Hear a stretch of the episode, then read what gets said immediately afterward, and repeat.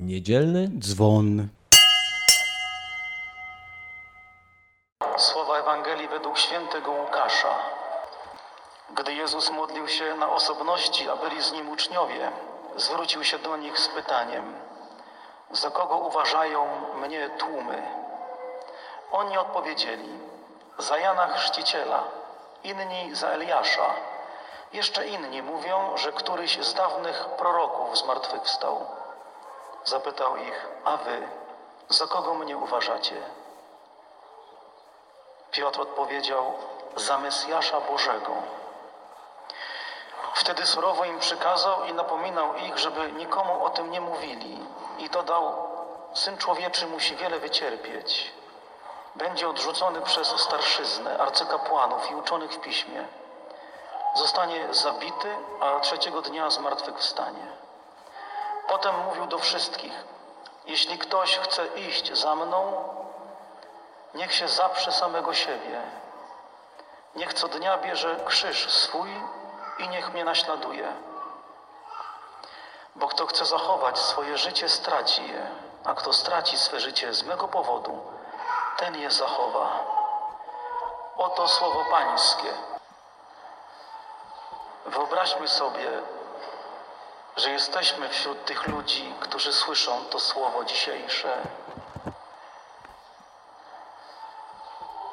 Pan patrzy na nas i wypa- wypatrzył pewne konkretne osoby, patrząc w oczy jednej, drugiej, trzeciej osobie, patrząc w oczy moje, mówi tak, jak to słyszeliśmy. Jeśli ktoś chce iść za mną, niech się zaprze samego siebie, niech co dnia bierze krzyż swój i niech mnie naśladuje.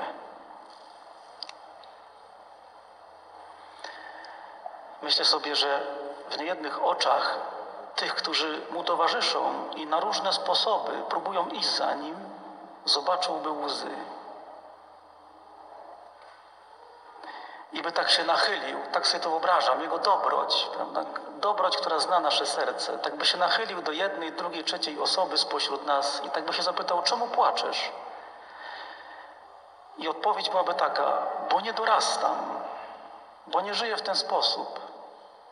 Idę za Tobą, ale ani się nie potrafię zaprzeć samego siebie, przeciwnie, dbam o siebie.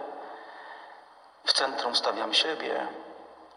Jestem wygodny, jestem konformistą, jestem egocentrykiem. Nie biorę krzyża i nie naśladuję Ciebie. Przeciwnie, chcę, żebyś Ty mnie naśladował, bo mam swoje pomysły na to, jak powinno wyglądać zbawienie i świętość. Pan mówi te słowa nie po to, żeby pogrążyć kogoś, kto w świetle tej dzisiejszej Ewangelii odkrywa, że w byciu chrześcijaninem jest absolutnie do niczego. Bo między tymi wersami rozbrzmiewa pytanie, czy mój sposób postępowania przybliża innych do Boga? No na litość boską. Jaka byłaby Twoja odpowiedź i moja? Czy mój sposób traktowania innych sprawia, że oni stają się lepsi i bardziej prawdziwi przed Bogiem? Czy mój sposób postępowania w relacjach z innymi służy innym, by oni wzrastali? A więc te pytanie, plus te warunki, które Pan stawia dzisiaj, nie? o zaparciu się siebie, o tym krzyżu, o naśladowaniu, plus osobiste grzechy, które w kontekście tej Ewangelii na pewno dojdą do głosu i pokażą mi i Tobie, gdzie jesteśmy, plus być może na dodatek jeszcze, jakby tego było mało, gdzieś tam swoje własne poczucie winy albo niemoc w przebaczeniu sobie, to te łzy są całkiem zrozumiane. I być może nie jeden z nas, tak widząc te swoje własne łzy i widząc swoją sytuację i słysząc to, co mówi Pan, tak, tak uczciwie chciałby się podnieść i po prostu sobie pójść. Po ludzku. Ale myślę sobie, że Pan by zatrzymał taką osobę. Mówi, nie idź. Dokąd pójdziesz? Dokąd pójdziesz z tym, co odkrywasz? Więc uczciwe pytanie byłoby, no to Panie, jeżeli ja jestem w takiej sytuacji, prawda, jako chrześcijanin, czyli nawet nie na samym początku, na samym końcu w ogóle tej drogi, no nie dorastam, nie domagam, zawodzę, to gdzie ja mam pójść? Pierwsze czytanie jest odpowiedzią. W owym dniu będzie wielki płacz w Jeruzalem. Będą patrzeć na tego, którego przebili, będą boleć nad nim. Pan mówi: Idziemy razem pod krzyż. Ja, to, do czego się przyznajesz w swoim sercu, do swojej nieporadności, kruchości, pęknięcia, do swojej natury, do swojej porządliwości, do grzechu, biorę na siebie i pozwalam się przybić do krzyża, a ty tam tylko bądź i zapłacz. Nie dlatego, że Pan przeze mnie cierpi, bo On to robi chętnie, tylko dlatego, że widzę, jak grzech niszczy i paraliżuje mnie. Pan mówi: zapłacz. W owym dniu będzie wielki płacz w Jeruzalem. Po co? Po to, żeby na miejsce tego płaczu, i to jest kolejny wers z tego czytania, wytrysnęło źródło, które obmywa z grzechu i z mazy. Moja uczciwość i przypuszczam, że wielu z nas pokazuje nam, jak wygląda nasze życie chrześcijańskie, gdy chodzi o relacje z innymi. Pan mówi: Ja wiem, jakie masz serce. Idziemy razem pod krzyż. Wypłacz to, bądź tam, a w tym, co przeżywasz, wytryśnie źródło, które obmyje cię z grzechu i z mazy. To jest lepszy kierunek, aniżeli powiedzenie sobie: Nie dorastam i dlatego odchodzę, zostawiam to wszystko, bo jestem do niczego. Bo wtedy człowiek się jeszcze bardziej oskarży, oceni, potępi. I to będzie nie do zniesienia, tak jak nie do zniesienia było to, co się wydarzyło w sercu Judasza. Lepiej się zachować jak Piotr. ok? Zawalam, zawaliłem, nie dorastam, nie było mnie pod krzyżem, uciekłem, ale płaczę. Płaczę nad sobą, bo widzę, że, jak mówi Pan Jezus Ewangeliana, beze mnie nic nie możecie uczynić, bo widzę, że bez Niego nic nie mogę uczynić. Oczywiście funkcjonuję fizycznie, wstaję rano, napiję się kawy, idę do pracy, ale jeśli chodzi o miłość bezinteresowną, jeśli chodzi o zaparcie się siebie, zrezygnowanie ze swoich racji po to, żeby ktoś inny mógł wzrastać, jeśli chodzi o to, żeby nieraz obniżyć ton głosu, żeby ktoś inny czuł się przy mnie bezpiecznie, jeśli chodzi o wycofanie się z takich czy innych grzechów, jeśli chodzi o to, żeby w centrum postawić Pana i dobro bliźniego, to jestem absolutnie na końcu. Bez Niego nic nie mogę uczynić, ale mogę nad tym zapłakać.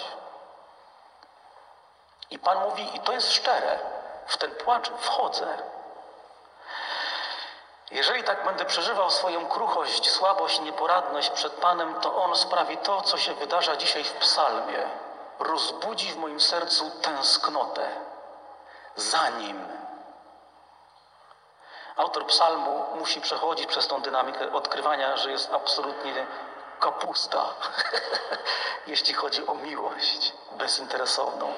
Nie? I tak sobie mówi, jestem do niczego. Płacze, a Pan mu daje tęsknotę za Bogiem. Proszę zobaczyć te, te wersy, jak one brzmią.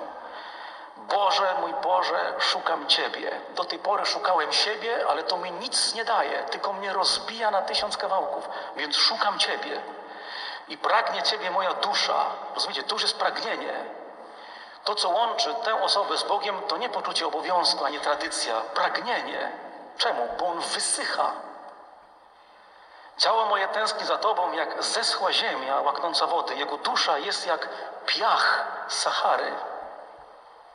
Dlatego woła, bo umiera. To szczere wołanie, ono się musi spotkać z odpowiedzią. I autor psalmu w następnych wersach to przewiduje, że Pan na takie wołanie człowieka, który w świetle Jego słowa rozpoznał siebie, nie, tak, tak, mogę rozprostać ramiona no to po prostu się przybije do krzyża. I Pan mówi, nie jest to głupi pomysł, nie? Chcę umrzeć dla tego wszystkiego, co nie jest we mnie miłością, nie? Umrzeć dla tego wszystkiego, co we mnie jest egocentryzmem. Umrzeć. Więc ten autor psalmu, wylewając swoją wyschniętą duszę przed Panem, nie, mówi tak, będę Cię wielbił. A więc ma pewność, że Pan w tą tęsknotę i w to pragnienie się wleje. Będę Cię wielbił i wzniosę ręce w imię Twoje. Moja dusza nasyci się obficie. Właśnie tym źródłem Twoim, które chcę wytrysnąć na tej mojej pustyni. Ja się do niej przyznaję, ona jest, a Ty teraz, Panie, widząc moją duszę, wytryśnij źródłem życiodajnym. I dalej, bo stałeś się dla mnie pomocą. On to wie. Wyobraźmy sobie upał, choćby ten, który jest prawda, na zewnątrz i jesteś na polanie, gdzie nie ma cienia. I ten wers, jak bardzo wymowny i piękny. I w cieniu Twych skrzydeł wołam radośnie. Możemy sobie wyobrazić, co on woła. Wykrzykuje radość, że Pan go ocalił. I w tą pustynię serca, w której rozpoznał siebie, że nie jest uczniem, wlał łaskę ducha.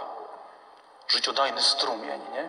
Głębia przyzywa głębie, hukiem wodospadów, mówi psalm.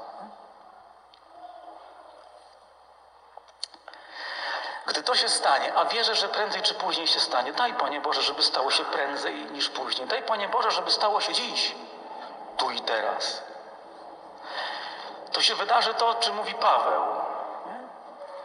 To Bóg sprawi, że my jesteśmy ochrzczeni w Nim, a więc zanurzeni w Chrystusa. Bóg sprawi, że On, Pan, Bóg, przyoblecze nas, czyli dosłownie ubierze nas w swojego Syna. Ale to jest Jego praca, to jest Jego robota, to jest Jego działanie, nie moje. Moim jest przyznać się do tego, że nie dorastam, by być Jego uczniem. Co więcej, nie jestem. Naśladuję siebie, nie Jego. Zapłakać nad tym i otrzymać łaskę, tęsknotę za Nim i wołać do Niego po to, żeby otrzymać łaskę Ducha Świętego, która sprawi, że będę ubrany w szaty Chrystusa. Więc myślę sobie w świetle tych czytań, Prawda? Mógłbym stąd wyjść, czując, że nie dorastam, ale nie wychodzę. I nikt mnie stąd, stąd siłą nie wyciągnie. Przykuję się, tak jak zieloni, do tej ambony, nie? wołając: Panie, szukam Ciebie.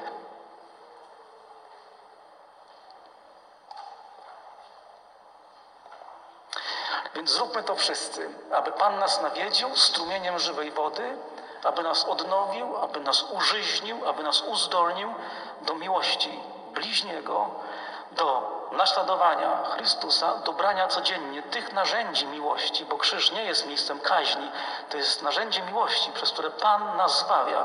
A więc, żeby nas uzdolnił do brania codziennie tych narzędzi miłości, które sprawiają, że swoje życie i życie innych rzeźbimy na chwałę Pana.